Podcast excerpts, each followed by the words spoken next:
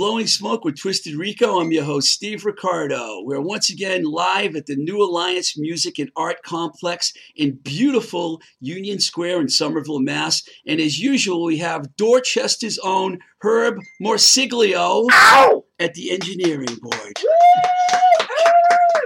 Well, we have a live crew in here today. The intro music you just heard even has a little more special meaning this week as we have Ellie V and Joe Wisser of the Charms here in the, here in the studio as our guest. And it was in nine. It was, I said 19. It was in not that long ago, 2004 that they recorded the song oh so pretty. Not 1904.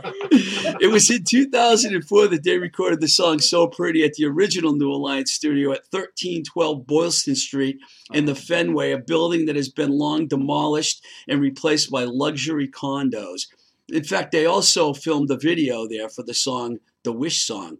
So uh, before we bring Ellie and Joe on, and also Preston and Josie are here with us too today, you'll be able to see them on video um, and maybe hear them. Yep, yep. So I don't thought, know if these to- kids are be just like outside.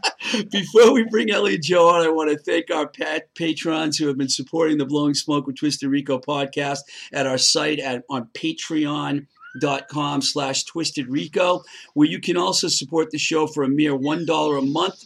Thank you dave heather chris maria lee suke chad matt kim ellie andy and our newest patron we have another chris. Your support is greatly appreciated.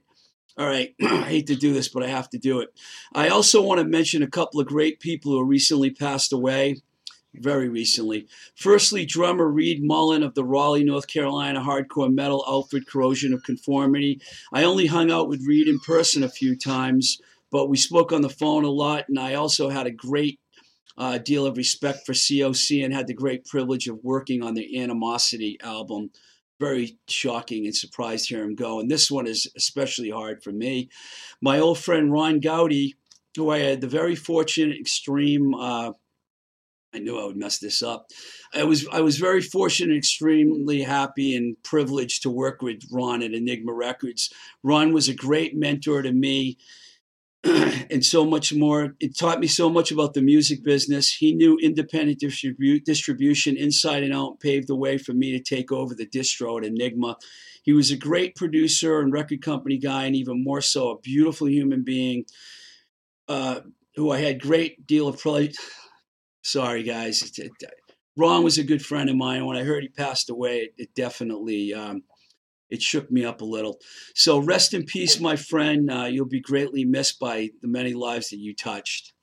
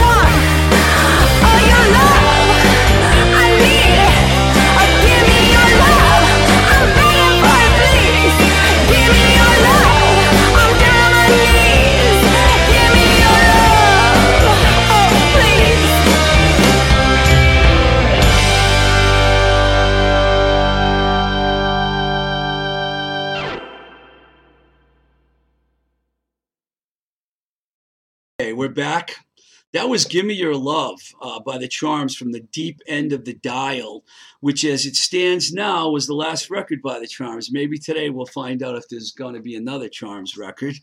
Before we, I let you guys talk, I'm just going to do a brief history, I promise, brief. Uh, the, the, the band formed in 2002, probably less than two miles away from this very location.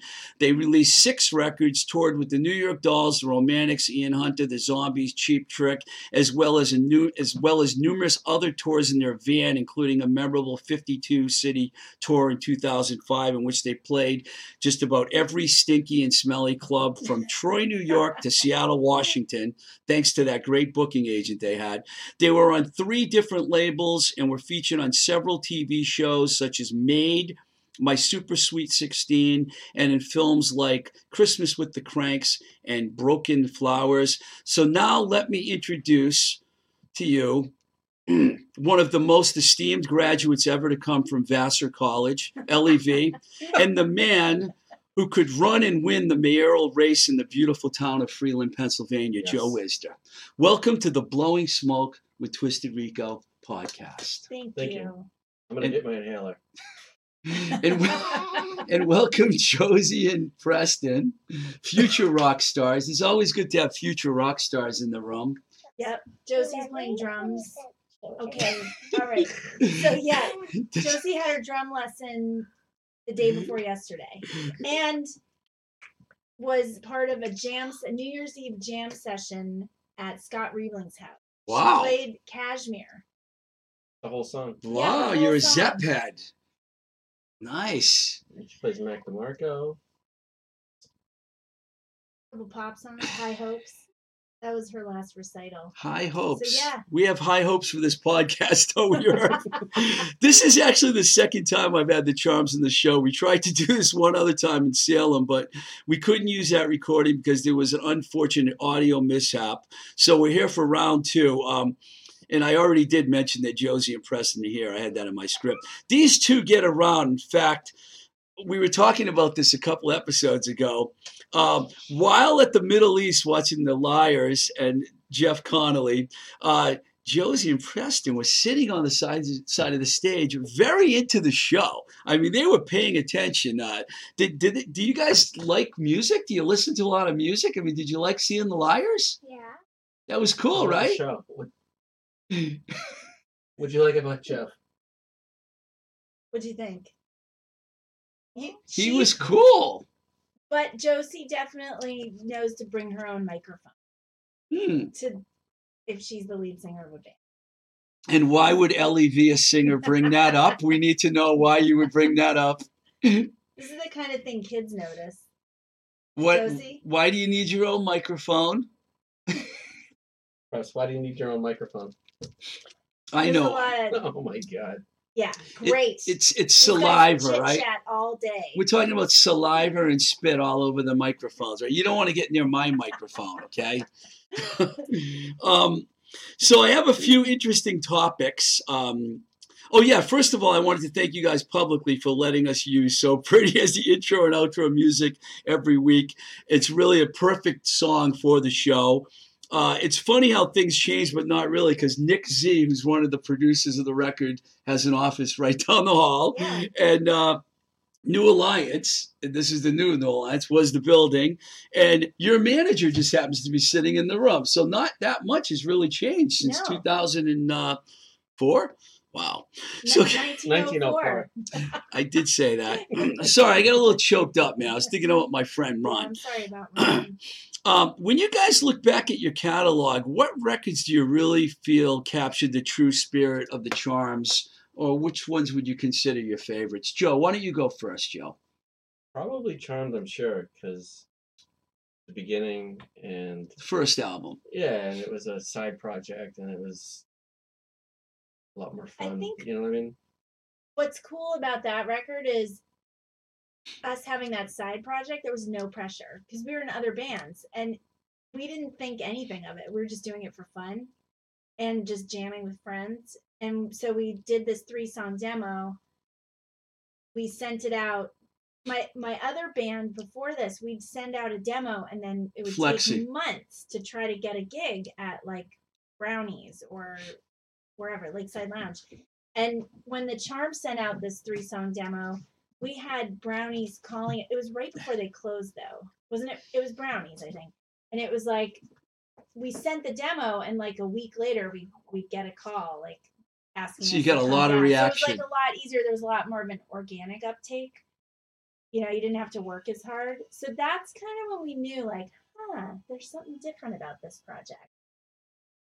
So yeah, I'm hearing, I'm hearing music. So, so we, we know that you were in Flexi at the time. They were a pretty big band in Boston. Joe, you were in a rockabilly band, right? Yep, I was. By the way, Joe, that's a very nice shirt you're wearing. Is that on? Can you see that in the camera? That is beautiful. We'll talk a little more about that shirt later. I just, Which one are you, Steve? That I one? love, I love I'm, I'm not the guy from Pennsylvania. I'm the other guy. I got a lot of. who- Look what who Josie is did to that my again? pants, by the way. No, Preston did that. What is Got it? Putty all over Putty. his pants. Oh, okay. Got Okay. putty all over his So wait, who- Who Herb, is if we already lost control of the podcast, uh, Herb, yeah. Uh, that's Bobby Dall from the band Poison, Oh, that's okay. I thought bass so. player of Poison. All Um, right. So, uh, Ellie, well, so as far as the records go, Charmed, I'm sure, was your favorite no, record as well. I, I love Pussycat. I actually put together a mix for some of my coworkers who don't know the, they know Ellie Volkhausen, not Ellie V. And so uh, I was kind of putting together this like a mellow Charms, Jetta Stars, another side project mix, and then like Charms Rockers. And most of what I ended up curating was from Pussycat or Strange Magic. I can understand that. Yeah, Yeah. I, I that I would have that same. Pr- and you know what's really funny? Every single song on "So Pretty" is a great song, Yeah. but you then you put it up against Pussycat, and it's so hard to because there there's so many good songs and Strange Magic too. I've told you, "Touch" is one of my favorite songs. You know, so that American Way. I mean, although there's so much it's to pick weird from. because American Way, it's like that was a 2007 release, uh, right? yeah, 2007. 2007? Yes. but the lyrics to that they're even more applicable now. American Way was one of the rare political songs that you actually wrote, right? It was pretty political, wasn't it? Because most I'm of your, political person, but I your a lot of your songs mostly are about, are about you know cherry red lipstick, you know, like you know. Uh, I saw I saw your name on the on the boys' room wall. You know, you, you. You have great lyrics. I'm trying to say they're great lyrics, but I'm not saying that you But don't understand politics. just kidding. I knew they would be critical of me. This is what happens here when you have your friends come on your show. Okay, so was Piss, was Pussycat was, was Pussycat pretty much the perfect situation for making a record, or did No. you guys prefer going to Detroit Oh and recording with It's a demo. legendary garage rock producer? Can I just finish the question at Yeah. least? Or- uh, was Pussycat the perfect situation, or would you, or was it better to go to Detroit with like a legendary garage rock producer like Jim Diamond? Uh, and what were the major differences between those two recording processes? Okay, before we answer that question, I want to comment on the on the question. The leading nature of that question reminds me of the Republicans delivering a question during the impeachment trial. like obviously we know the answer. Wait, Oh, so, what is- so Preston left the door open. Oh, Sorry, okay. it gets kind of loud out there. yeah, you know. sorry about that. We're- Um, so Joe, take this one. That was not the ideal No, situation. no, I mean, you did you forget the the question? No, I'm just wondering where a child Preston's went. wandering. Is it okay that he's wandering around the building? I think it's safe out there. He's on the Danny's out there, right? Yeah, he's Yeah. on the You couch. should be okay. Yeah, Yeah, no, we were supposed to go. We were supposed to go to Detroit for that record and record The, with the Pussycat record. yeah the Pussycat record. We did all this pre-production with Kim Fowley, who discovered Joan Jett and Lita Ford, and uh, wrote songs for Alice Cooper, Kiss. I mean, a lot of people listening probably know some of this, but um,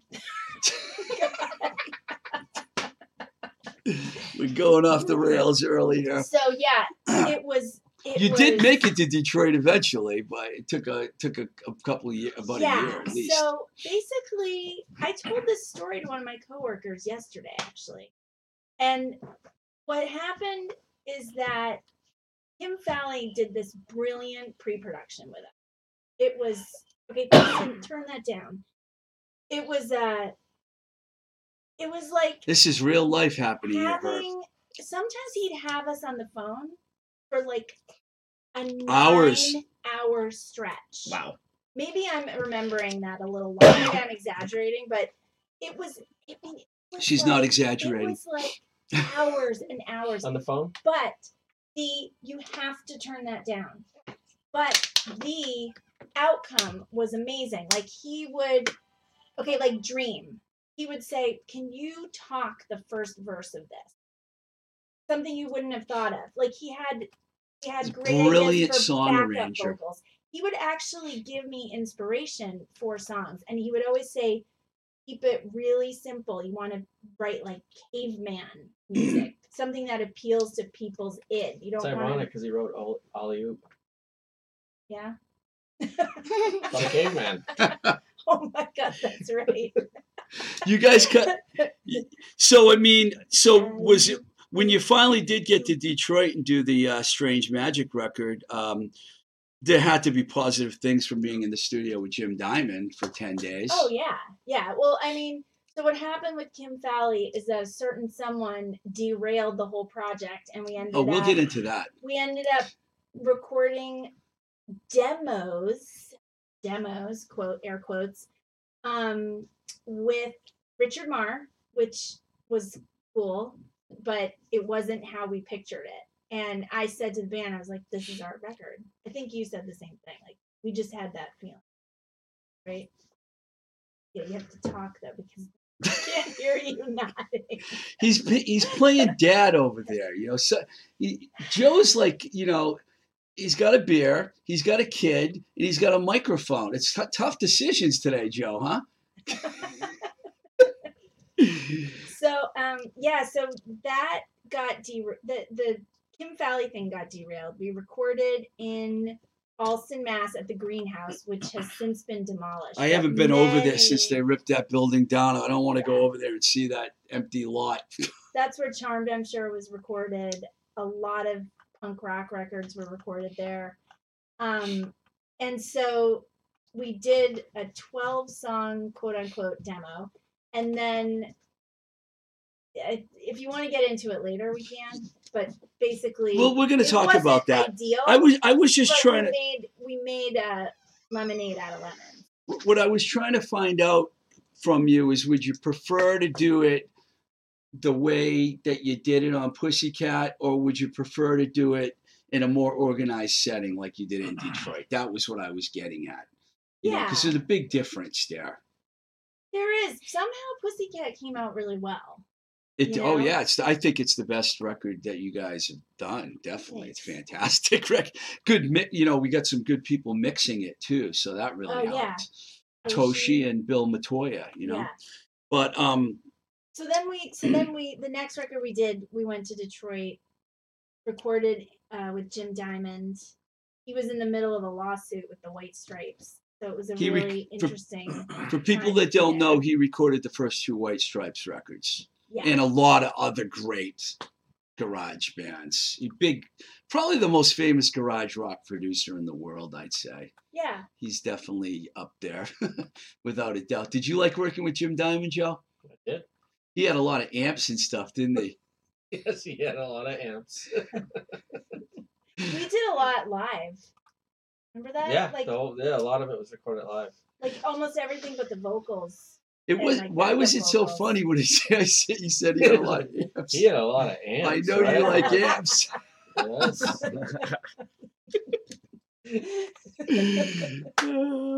okay, I know everything's light right now, but it's about to get unlight. Um, I was going to ask you about your connection to Kim, and you talked about him a little bit already. It was much more than just him arranging songs for you. He introduced you guys at that big show at Irving Plaza. That was pretty cool. And I remember he had band aids all over his face for some reason. He was trying to look really weird that day. Not he doesn't have to. He didn't have to yeah, try he too came hard. out of the bathroom with all these band-aids on his face. and we were like like we, we didn't even recognize him. first few seconds. Cat was a little freaked out by Kim Fowley, wasn't she? Well, yeah, she had band-aids all over his face. but he was a big was he was a big fan of the band though. When he had his radio show, he really he loved the charms. So it was a real honor to get to work with a guy like that. Was I know even though he has kind of a checkered past, as far as songwriting and arranging and producing goes, he's a legend. He- was a legend. Yeah, I mean, you know when you're working with someone with really great ideas and original ideas, you know, and he was just, it was just like popcorn brain. Like there was no, there was no limit to it. Right.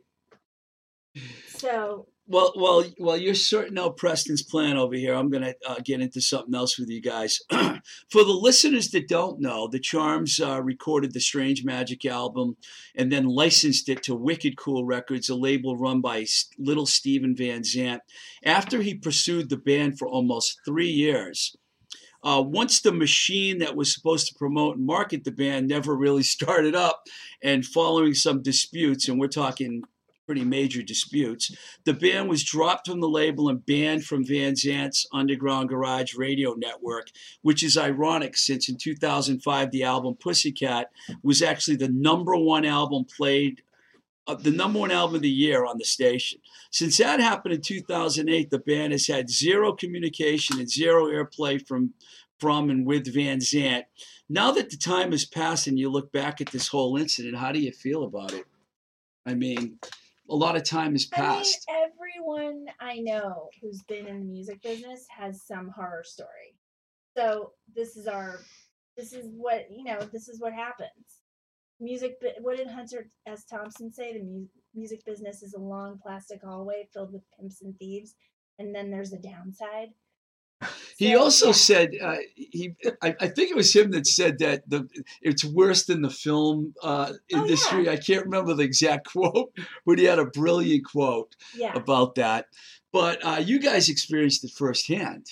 Yeah, I mean, Van Zandt wanted our publishing, and I think because we wouldn't sell our publishing in perpetuity for like six thousand dollars to give him all rights, he didn't like that. And I think I don't generally go here, but I think being a woman, it was more offensive to him. I wouldn't agree that I personally wouldn't agree to sell the publishing. Not that Oh, wow. I mean Joe had a part in it, but and that's I think that is what happened to Springsteen. So you'd think that he would know that that was against the the ethical standard of owning a label. I- but I mean, it made sense because when you think about it, he had this radio show. It was serious. And I don't, I'm not, Still you know, has this it. is the first time I've really talked about this publicly because when you, when you tell a story like this, especially when you're close to it, people don't want to believe it. And people think that you're, that, that you're being a jerk. But I think we're far enough away from it now that it's, you know, it's like I, I didn't want to talk about it at first because it just makes you look like a just makes you look bad.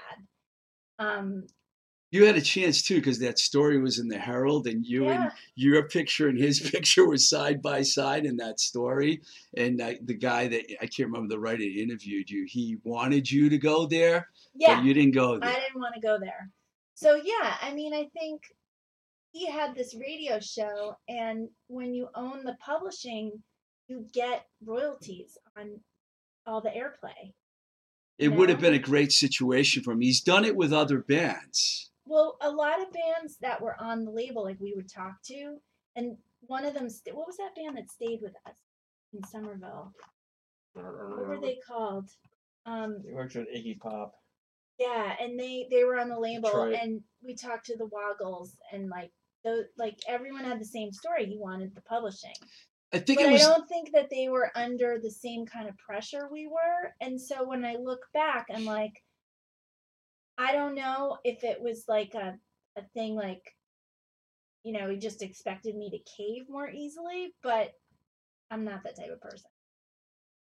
Yeah, I, I never. I I've had this conversation with so many musicians, uh, songwriters. I mean, you, you can't just give your publishing away. You, you just Well, can't do it. Remember Can't- You in can't do it. late 2007 we got a call from uh, Discovery Network. Lifetime, yeah. Lifetime, yeah. and they they wanted to use uh, So Romantic. Romantic, which actually we wrote we wrote like a sort of like fan song for the Romantics after touring with them, and Wally from the Romantics came down and sang the backup track Uh huh.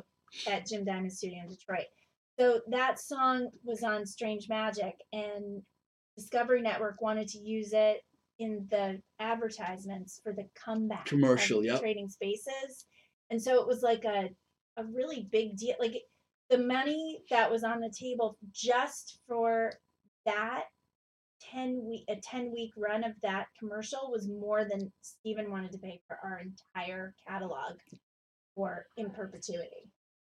And basically, he had to cave and sign over the master. Yeah, he said he didn't want to release it. He would have made the same on the master, but he but uh, like He did make the same on the master. he was mad, and so he didn't want to he didn't want to release the master.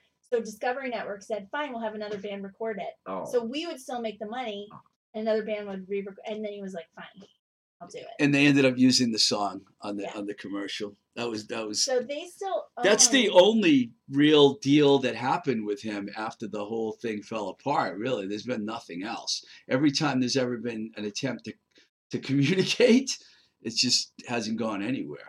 Well, I don't even know if that label's still a label. I pretty I mean, much still own two of our records, but like, because you got to get a lawyer and get them back and blah blah blah. But I don't, I don't know if they're doing anything. you know, I wor- I managed other bands, two of them in particular, that he also wanted to sign to his label, and neither one of them uh, signed. They they asked me for my opinion. I gave them my opinion. They didn't go to Wicked Cool.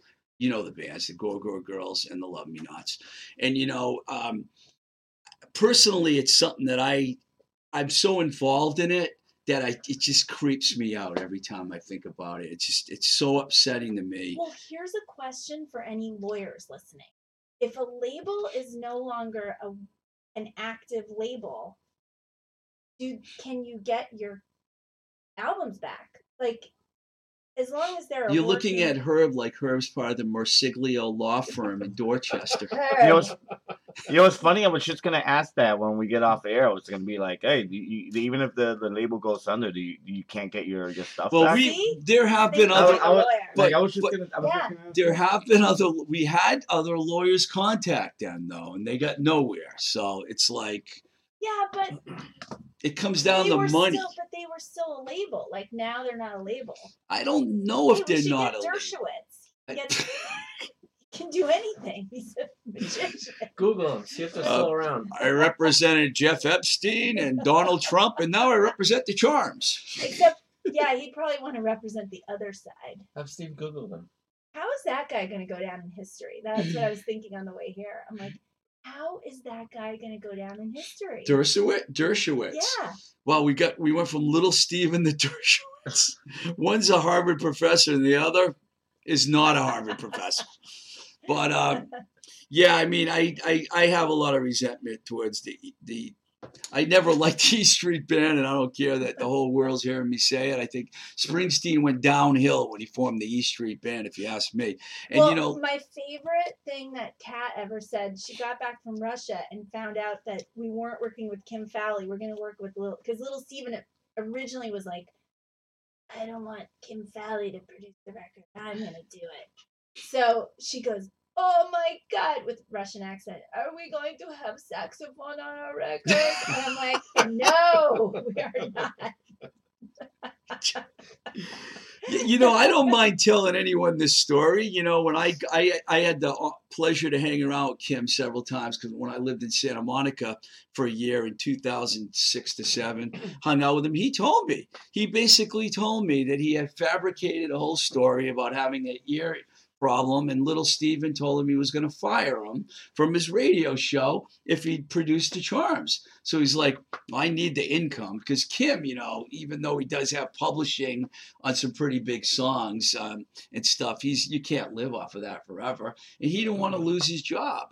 Yeah. I don't think he got paid a lot of money. I think they paid them. I don't even know. I'm not going to say it. I have an idea, but because I've known a few of their DJs, I think I know what they make. But that's besides the point. So he had this Sopranos vibe that he thought he could push on people. He told me that I could if never. ever come to New York, I'll fucking kill you. Exactly. The kids have left the room, by the way, so we can drop We the f bomb. We were laughing. You guys heard him say that to me. He threatened me and told him he was on the phone. He didn't do it personally. Called you Steve retarded. Why is that so funny? That's a great name. Why is that so funny, Herb? You know, there's other people I can get to produce this show, you know. Wait, you're calling a Stephen Vincent. Oh, yes, I am. But when he did say that, I laughed hysterically. I couldn't So stop we. laughing. I wish we record. Wish Herb was there to record it. I mean, I wish I would. I, you know, we. Sh- I should have had a tape recorder going that day. I don't know why I did it because threatening me not to go That would have been to. New we could York have like was- it into a song. was fantastic. Kill you, kill you. It's really funny because a lot of bands I know get airplay on the underground garage still, and they all talk to me about it, and they're like, "We know what happened, but what are we supposed to do?" Even the Love Me Nots. I worked with them long after that. They had their what's that thing you would call the coolest song in the world? Oh yeah. You had several of those. You know what they are, and you know we. I couldn't say to my bands, oh, "You can't deal with that guy," because what are you going to do? Not get five spins a day on the underground garage because I don't like the guy, you know? So I managed to keep draw a line. You know, it wasn't hard. It wasn't easy to draw that line because I don't like the guy. I don't like the guy at all. No. And I was close to him at one time. I remember hanging out, driving around his Porsche, going out to everywhere we went. Oh, there's little Steve. It was kind of cool. You know, I've hung out with other celebrities. He wasn't the first. Not even high on the list, actually. okay, now I'll get mean. But uh, so it was a it was a hard thing to go through, but I had to bring it up and ask you guys. So, um, well, now you know. um, you guys played a lot I- of shows. I'm past it. Here's the other thing too: is like you go through phases and that, like, realize how unimportant stuff is. Like the stuff you used to worry about. You're like, ugh. Yeah, I you don't. know? I did. I did have. I did really go crazy over that for a while, but it's. I'm over it now. I'm just moving. I still want to be able to get those the records back, but Someday. soon as this podcast gets picked up by iHeartRadio and you know we become famous and we have a hundred million subscribers and I have all this money coming out of my pockets, I'm waiting for you guys to all throw then your money at me. I will sue him. Albums. I will. I will personally sue him myself. Um, you guys played a lot of show, a lot of shows over the years. Do you have any favorite ones that you think about that that come to mind? Like you played a lot of big shows. I mean, were there any? I know the ones I liked that I was at, but I wasn't at all the shows. What was your favorite? Record release for um, Strange Magic. That was That fun. was, that was a good one. At You know TT the Bears? No, in New no, York. in New York. Oh, oh yeah, I remember that. Yeah, there was no opening act. No.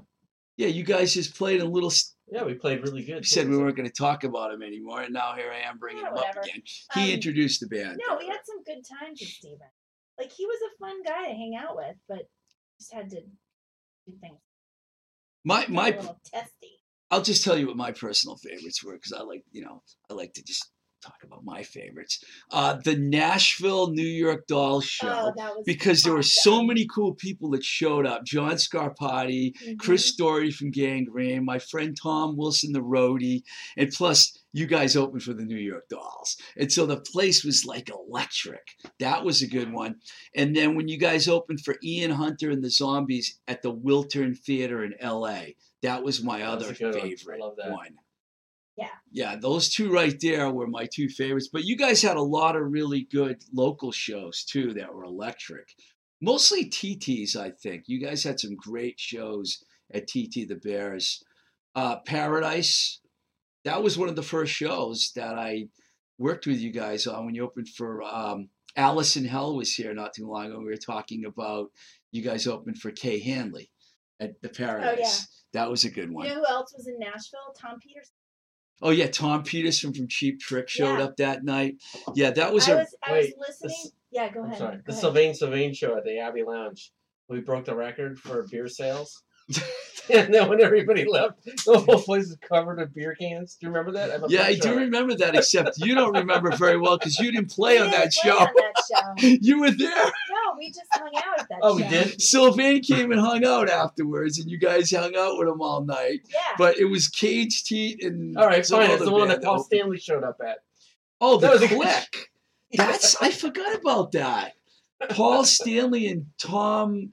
What's the other guy's name? Tommy name? Thayer. Tommy Thayer and and Doc McGhee. Doc McGhee. Doc I like McGhee. watching Paul Stanley because I could see him. He's tapping his fingers on the. On And the remember how I shook hands? Remember that? Yeah. Went, Yeah.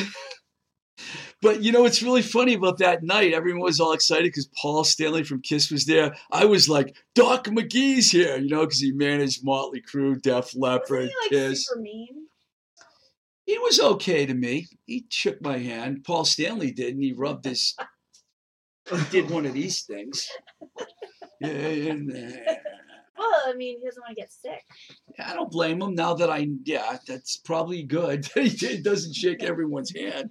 But uh, there were a lot of great charm shows. I mean, I could keep, I could think of even more. There were so many You of know them. what? One of my favorites was Providence, the first show where we opened.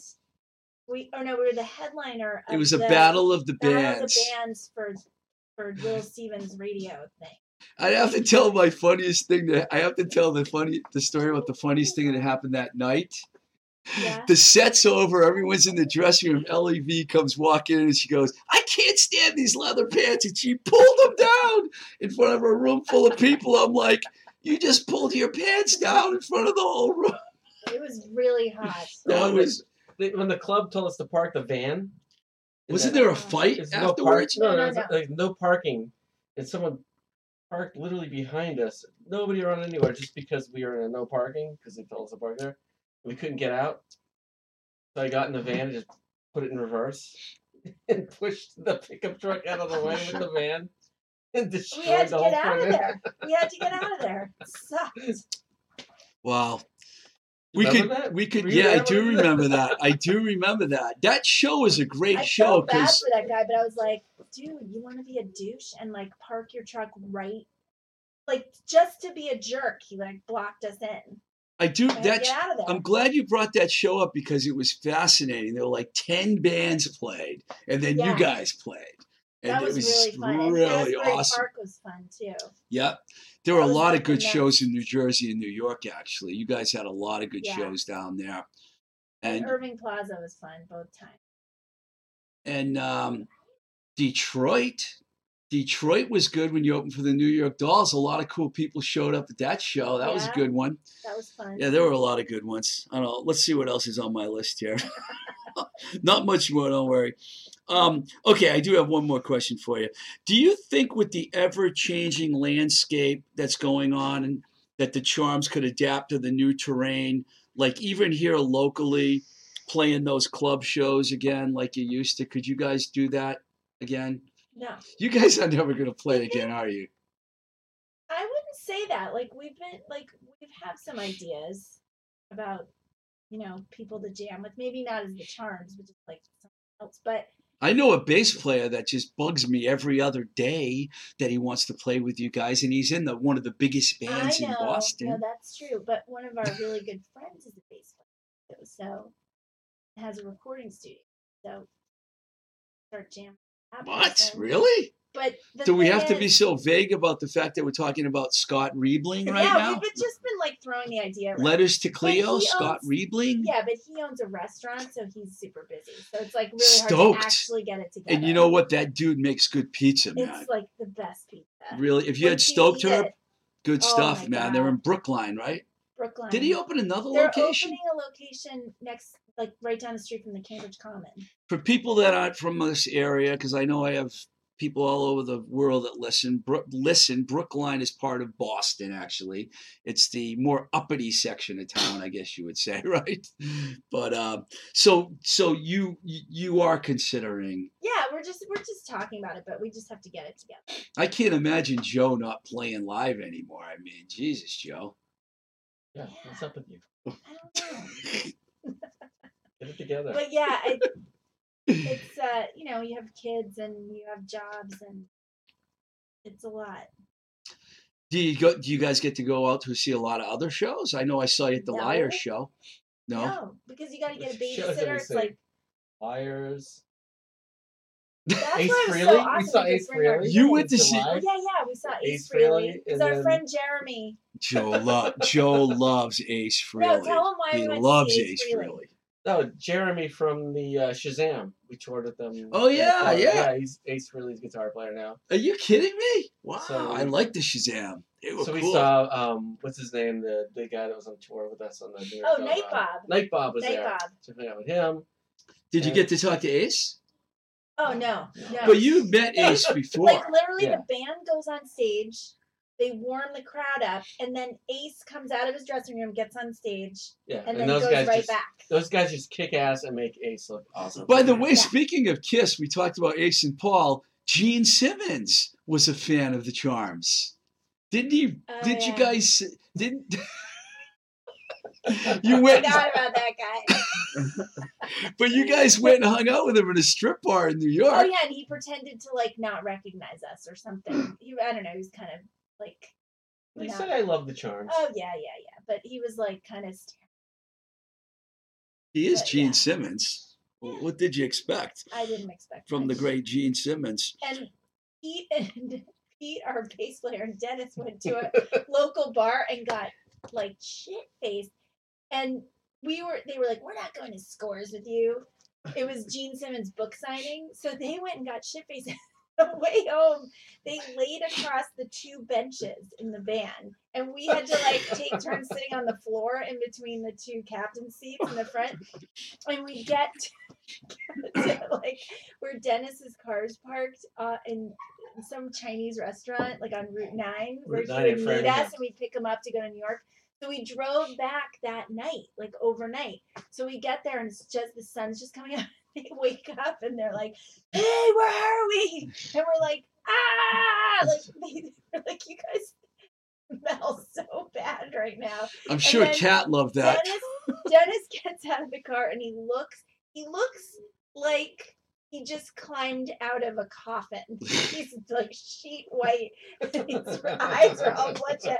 And he gets out and he and he looks. Our van was white and it had this like super black glass. And he l- looks at his reflection in the glass and he goes, "I look handsome." We're like, "Yeah, you do." It's funny how meeting Gene Simmons could lead to this story. But Hey, this is being on the road. yeah, Pete and Dennis, Dennis were it's awesome not together. glamorous. God, I know. Yeah, being on the road is so like I think some some guy I met who's a songwriter, he was like we were talking about touring and like I I know I have a few friends who've done a lot of touring who feel the same way. Like I never loved it. It was never my favorite thing. And Really? dude, yeah. And this you toured so much though. yeah, but it it wasn't my favorite part of being in a band. And um I mean you have to do it, but this guy that I met who's a songwriter, he goes, Well of course you didn't like touring, you're a creative person. Like you'd rather be creating and you you're not creating when you're on like and the best part is being on stage. and then you take people out on tour and they have this like glamorous idea. Jeff Connolly actually said he goes 95% of touring is like just crap. Like it's just driving and you know, it's like 5% that's really great because you're on stage. So That's true, I I, guess. my experience is the people who are the worst to tour with are the people that are the most excited to tour because they have this like mental model in their head that it's going to be this amazing glamorous experience and a lot of it is like like hauling gear in and out setting up eating pizza Sharing beds in hotel rooms. Yep. Yeah. Driving late at night when you're exhausted. You know, I mean, bus tours. I mean, bus tours too. Like, you have a crew, but you're like squished in like sardines. One person gets kennel cough, and then everyone gets sick. And it's like, Oh yeah, sickness on Yeah. tour is just not good. and like you, it's not glamorous at all. What did the zombies say about the bus? I don't know. Remember, they were like, it was horrid being on buses. we've for- we've forgotten. They were so We've polite about it. forgotten. It was like, but it's like my and then my uh my cousins got on the bus in Seattle. They they came to the show and were like, here, come come hang out on the tour bus. They get on the bus and they they're all in the maritime industry and they go in the bunks and they're like, these bunks are exactly like what's on a submarine. So yeah. not very glamorous. It's not glamorous. So it was probably my least favorite part of being. I mean, the being on stage thing was fun, but the rest It's of like it, being a carny. it's like being a carny. Yes. I have a coworker whose parents were grew up, they were carnival Carnies? workers. Yeah. She grew up on tour with the carnival Awesome. all summer. Yeah. Well, we could talk all day, but uh, I want to thank you guys for coming in. I'm glad. I'm glad this worked out this time. Unfortunately, we had that incident in Salem where, screaming in the yeah, back. yeah. I don't know if that's going to come through. It is. Not. If it does, well, you know, we had somebody playing drums upstairs last week. I had Mark Bell from the Joe Perry Project in here, and there was a drum, some guy drumming upstairs, but it didn't come through that much when I watched it. Uh, it was pretty good. But thank you guys Yeah. for coming on. I really appreciate it. And thank you for letting This us is a use lot the song. shorter. Yeah. Thank you for letting us use the song. Use any of the songs you want. Thank you. And thanks We It's for- all will. yours. We will. For free. And You're giving me the publishing? Little Stephen Ricardo, I want the publishing. Thanks, guys. I wonder if the kids are fighting. All right. Um, right now, we're going to play what we are calling the hidden or buried treasure segment, but uh, what really is our featured track of the week. This song comes from the band Chastity Belt, uh, and it's called The Process.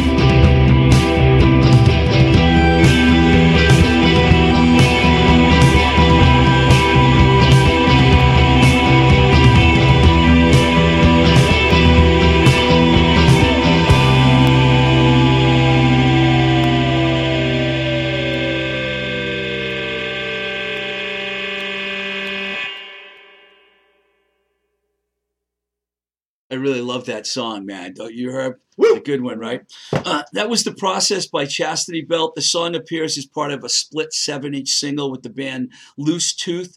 This single is actually up on Bandcamp, and if you buy it, this is really cool. Check it out. 50% of either track will benefit the Australian wildfire relief efforts, specifically the fire relief for First Nations communities and the Country Fire Authority. Uh, Chastity Belt was formed in Walla Walla, Washington by Julia Shapiro, Lydia Lund, Annie Truscott, and Gretchen Grimm. Very cool band that I've been following for a few years now. They're still living up in Seattle. Thank you to the band and their management company for sending us that track. I really appreciate it. Um, well, that's it. I want to thank our sponsor, JLS Design. Don't go anywhere, Joe, because Joe's still on video, right? Because he's going to help me with this segment. JLS Design in 187 Main Street, Leicester, Mass., Cherry Valley section of Worcester. They do custom screen screen printing and embroidery. it's a great place for bands to get their t-shirts, hats, hoodies, etc. JLSDesignPrinting.com, JLS Design Sales at gmail.com. They're going to print up more of these shirts that Joe's modeling for us right now. I'm glad you wore that, Joe. Very helpful. I was just there yesterday and we're working it out. These shirts have been famously worn and modeled all over America by our diverse audience, so we're excited to get more. Excited to get more. Um, my email address is twistedrico at gmail.com. You can find me on Instagram at, at twistedrico. You can also now find us on YouTube, where we've been getting a tremendous response. I hate to use that word tremendous. Let me change that. An outstanding response. Outstanding response. Herb is the reason for this because he convinced me that we needed to be on YouTube. And I was like, no, this has got to be for the geeky music fans that listen, not the people that sit around and watch. I watched the Mark Bell episode like five times. You so you're right. this guy was in marketing? I was. I was. Ouch! I It marketed. was a different time. Let me just tell you something. When I was in the music oh business, It was a different time. Yes, that's right. when I was in the music oh business, there was no YouTube. You, YouTube didn't exist when I was in the music business. Let me mail my proclamation on the, on the town post. My show has been hijacked. My show has been hijacked. Um, please send me your questions, comments, etc. Once again, twistedrico at gmail.com. And check out our Patreon page where you can sponsor us for $1 a month. This is Blowing Smoke with Twisted Rico. I'm your host, Steve Ricardo. And until next time we say goodbye, you ready? We love you, Busy Phillips. Keep the rock and roll alive. Busy's out there listening. Busy's listening. Thanks, Herb. Thanks, guys.